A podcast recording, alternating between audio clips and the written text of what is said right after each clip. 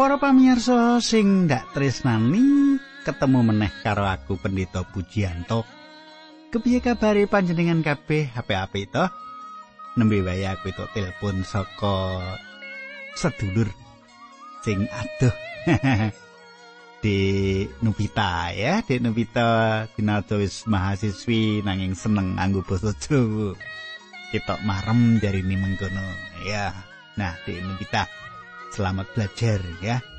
Nah, kadangku adicara margi utami bakal bebarengan karo panjenengan ing sawetara iki. Pancen adicara iki mirunggan kanggo panjenengan sing seneng kegilut pangandikane Gusti. Lan pancen menawa wong sregep anggegilut pangandikane Gusti uripe bakal kandel ing iman lan jejeg nek nampa coban mengkono ya sugeng midhangetake adicara iki.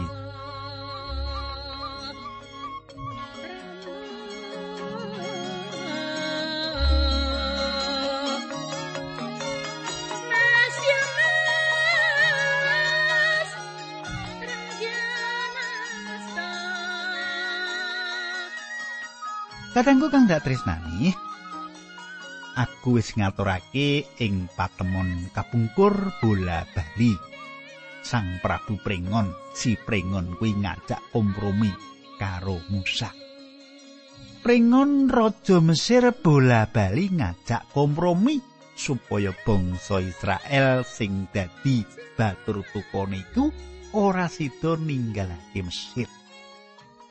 Wiwit saka yen arep metu ninggalake Mesir ora bisa nggawa anak-anake. Ora bisa nggawa raja terbeke lan liya-liyane mengkono tang Prabu Mesir nalika jaman sempono. Nah iki kepriye sak teruse nanging sak durunge kuwi kita ndedonga dhisik. Ayo kita ndedonga. Duh Kanjeng Rama ing swarga ingkang kawula sembah rinten kaliyan dalu wonten ing asmanipun Gusti kawula Yesus Kristus. Kawula pingatine ing wewangan menika kawula saged tetunggilan malih kalian sedherek kawula ingkang setya tuhu midhangetaken adicara menika. Paduka sampun maringaken berkah kathah lumantar pangandikan ingkang dipun kegilut saben-saben wonten ing pepanggihan menika. Kawula ndongaaken Jupita ingkang samenika tembe nedeng-nedengipun kuliah. Nanging mboten namung Jupita kemawon, sedaya sederek-sederek kawula ingkang nem ingkang samenika nembe nedeng-nedengipun kuliah. Kawula ndongaaken sepatus mboten tebih saking paduka cinaosa ing pamulangan. Kawula nyuwun sepatus sederek-sederek nem menika saged dados tokoh-tokoh ingkang saged nggula wentah sinten kemawon ingkang kepetengan ing margining karahayen. Dinambaran asmanipun Gusti Kawulo Yesus Kristus kawula netunggal haleluya. Amin.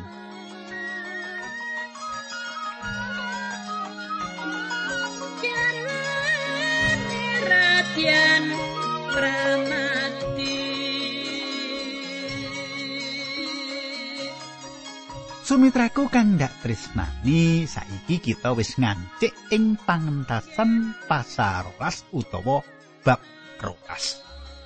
Kita wiwiti maca ing ayat siji lan loro pangentasan bab rolas iki. Mengkene surasane Gusti Allah ngendika marang Musa lan Harun ing tanah Mesir pangandikani sasi iki bakal dadi sasi wiwitaning taunmu. Mitraku bab iki utawa pasal iki arep buka pangerten kita yaiku ana pembagian anyar ing buku pangentasan iki utawa ana perangan anyar ing buku pangentasan iki perangan kapisan pasal siji teko sewelas. Kabeh sing gegayutan karo Nabi Musa juru pembebasan.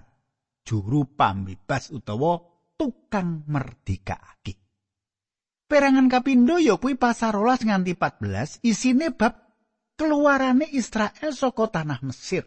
Keluarane bangsa Israel saka tanah Mesir juru pamardika, juru kamardikan ya juru pambebas. Saiki ing ayat iki bakal nyritakake kamardikane bangsa Israel saka panindese penjajahane bangsa Mesir.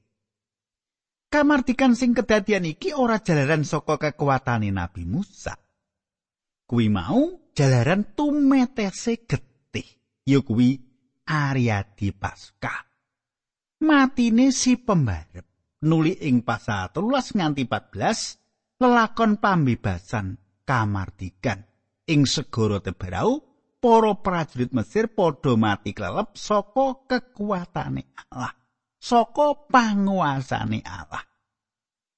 Allah kepareng mbebasake umate kanthi erah kanthi getih lan kanthi kuwasa. Semono uga kanggo kita kamardikaning urip kita uga jalaran erah jalaran getih sing wis tumetes erah ing Gusti Yesus sing wis tumites ing kayu salib kanggo nebus kita saka dosa-dosa kita. Kanthi kekuatane Sang Roh Suci kita wis diowahi saka uripe lawas menyang urip anyar. Nabi Zakaria ing perjanjian lawas nulis yen apa sing bisa kasil kita tindakake iku ora saka kawicaksanan lan kekuatan kita. nanging saka roe Allah sing paring pitulungan marang kita. Panebusan iku saka sih welase Allah ing asmani Gusti Yesus Kristus kang cumondok kang manunggal ing urip kita. Cetha Nalika bangsa Israel ngumbara ing Mesir mung sak keluarga bae. Nalika metu saka Mesir wis dadi sawijining bangsa. Pancen nyata, yen dumadine sawijining bangsa diwiwiti saka kahanane keluarga. Yen ing keluarga ora kukuh santosa ing budi, sabanjure bakal dadi bangsa sing ora duwe tata krama lan ora duwe welas asih. Saben keluargane Israel diwangun kaya bata-bata sing digawe dening Israel. Bata sing kasusun dadi cengkorongane kutha sing gagah santosa. saka keluarga kawangun dadi bangsa. Dina tumekane keluarane bangsa Israel wis sangsaya cedhak. Saiki panjenengan tak dereke maca ayat telu pangentasan rolas. Mengkene surasane, bab iki perintah marang umat Israel kabeh ya kuwi ing tanggal 10 sasi iki saben wong lanang kudu nyepakake wedhuse gembel siji utawa tempe wedhus berok siji kanggo brayat. Kadangku, ana rong perkara sing wigati nomor siji getih utawa rah, nomor loro keluarga. Israel wis dadi sawijining bangsa lan Allah kepareng merdikake bangsa iki saka panindesane bangsa liya, yaiku bangsa Mesir. Kamardikan iki bakal dumadi ana ing saben keluarga Israel, nuli uga ing saben uwong. Cempe sing disembelih saben keluarga. cempe sing netesake getih iki sing dioser-oserake nglawangi keluarga Israel. Ayat papat yen brayat kuwi cacahe wonge kesetitiken kanggo ngentakake wedhus gembel siji utawa cempene wedhus berok. Brayat mau nglumpukake karo tanggane sing cedhak sarta mangan wedhuse bebarengan nganti bisa ngentakake daging sing kena dipangan. Mitraku, Cempe iki ora bisa tumindak apa-apa ing tengahing keluarga Israel. Allah kaseng semarang cempe cilik sing dikorbanake ing tengahing keluarga. Saben keluarga kudu nduweni cempe sing dicawisake. Nanging kanggone keluarga sing ora duwe anak, sing anake wis padha pisah ado omah-omah dhewe, iku bisa ditindakake bebarengan karo tanggane sing kahanan, kalungguhane padha, kalungguhane timbang. nuli ngedum cempe sing dikorbanake. Saben wong ing saben keluarga mesti etuk bagian daging cempe mau. Pesta Paskah kudu dilakoni pribadi dening saben wong. Senajan bebarengan nanging saben wong kudu melu ngrasakake apa to tegese pesta Paskah iki. Senajan saben pribadi nanging ditindakake bebarengan ing tengahing keluarga. Ora ana wong sing bisa diwulujengake jalaran dadi anggotane sawijining keluarga utawa anggotane bangsa.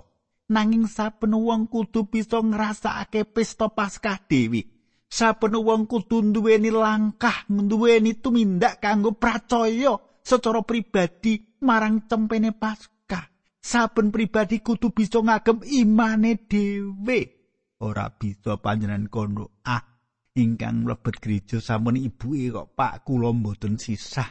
Ingkang pitados sampun anak kula kok Pak kula mboten sisah. Ora bisa.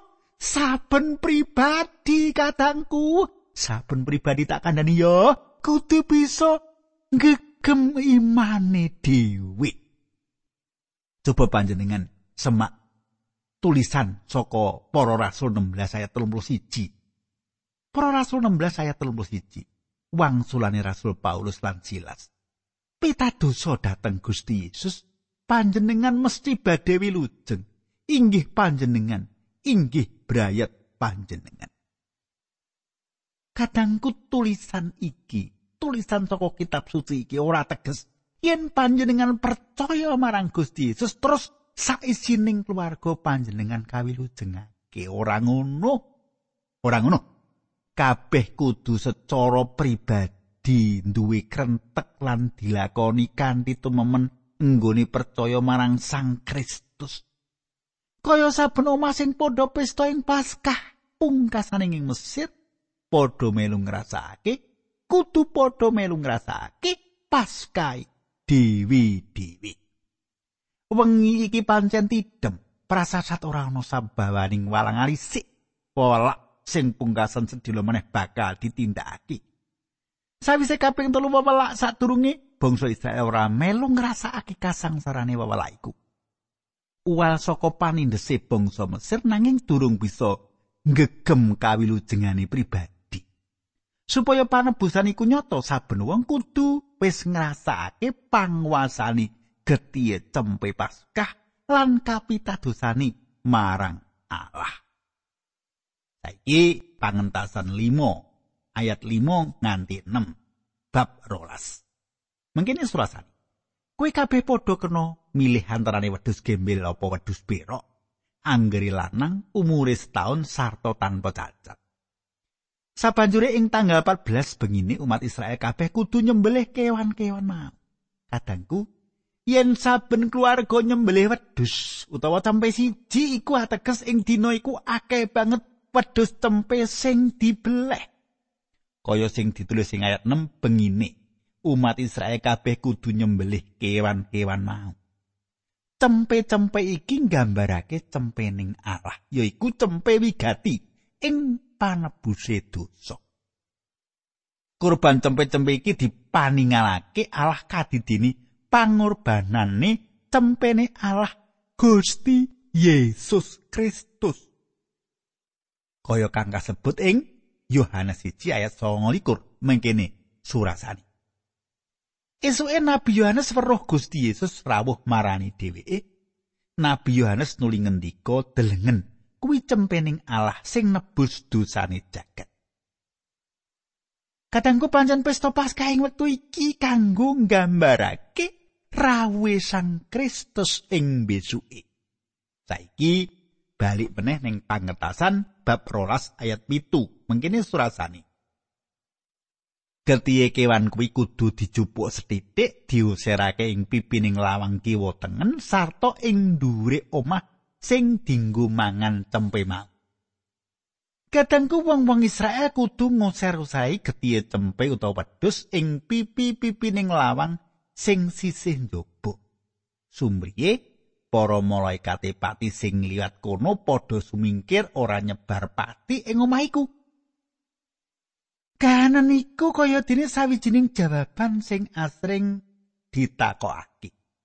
Kepriye ing besuke bocah-bocah cilik saka keluargane para wong prataya ing mangsa para wong prataya disengkakake ing aluhur dening Gusti Yesus.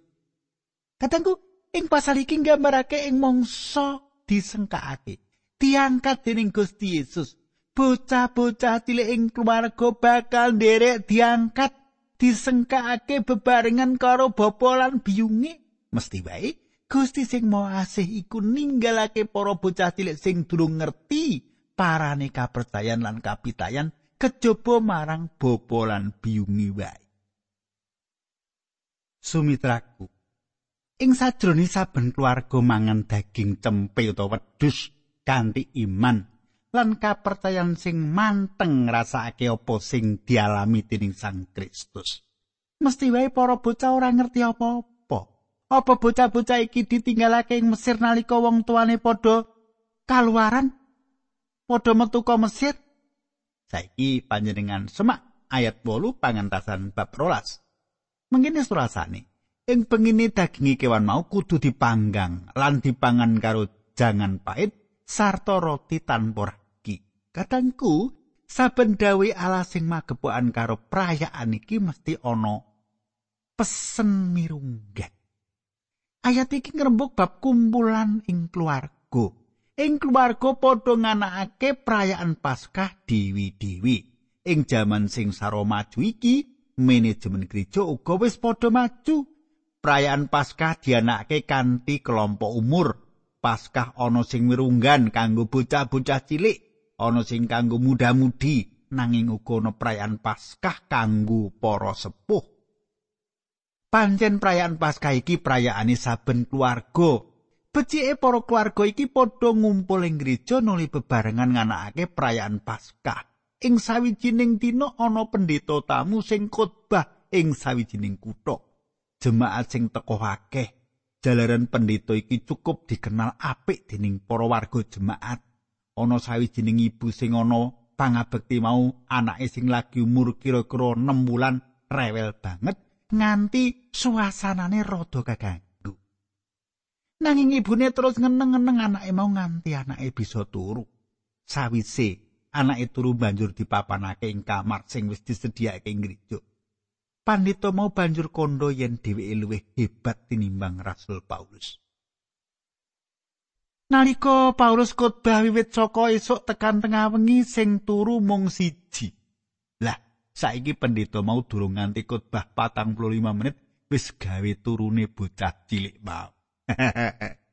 Apa mana yen ana pendeta sing lagi khotbah 30 menit bisa nurokake jemaat selosin? Wah, pendeta mau hebat tenanan. Bisa gawe ngantuk luwih cepet tinimbang Rasul Paulus. Senajan gereja-gereja ing wilayah gunung pedalaman pangaturane administrasi lan manajemen durung tumata kaya gereja ing kutha. Nanging saka nggone temomen makarya kagem Gusti ing wusanane kanthi pelatusan mau bisa ngasilake para abdine Gusti. Luwih akeh.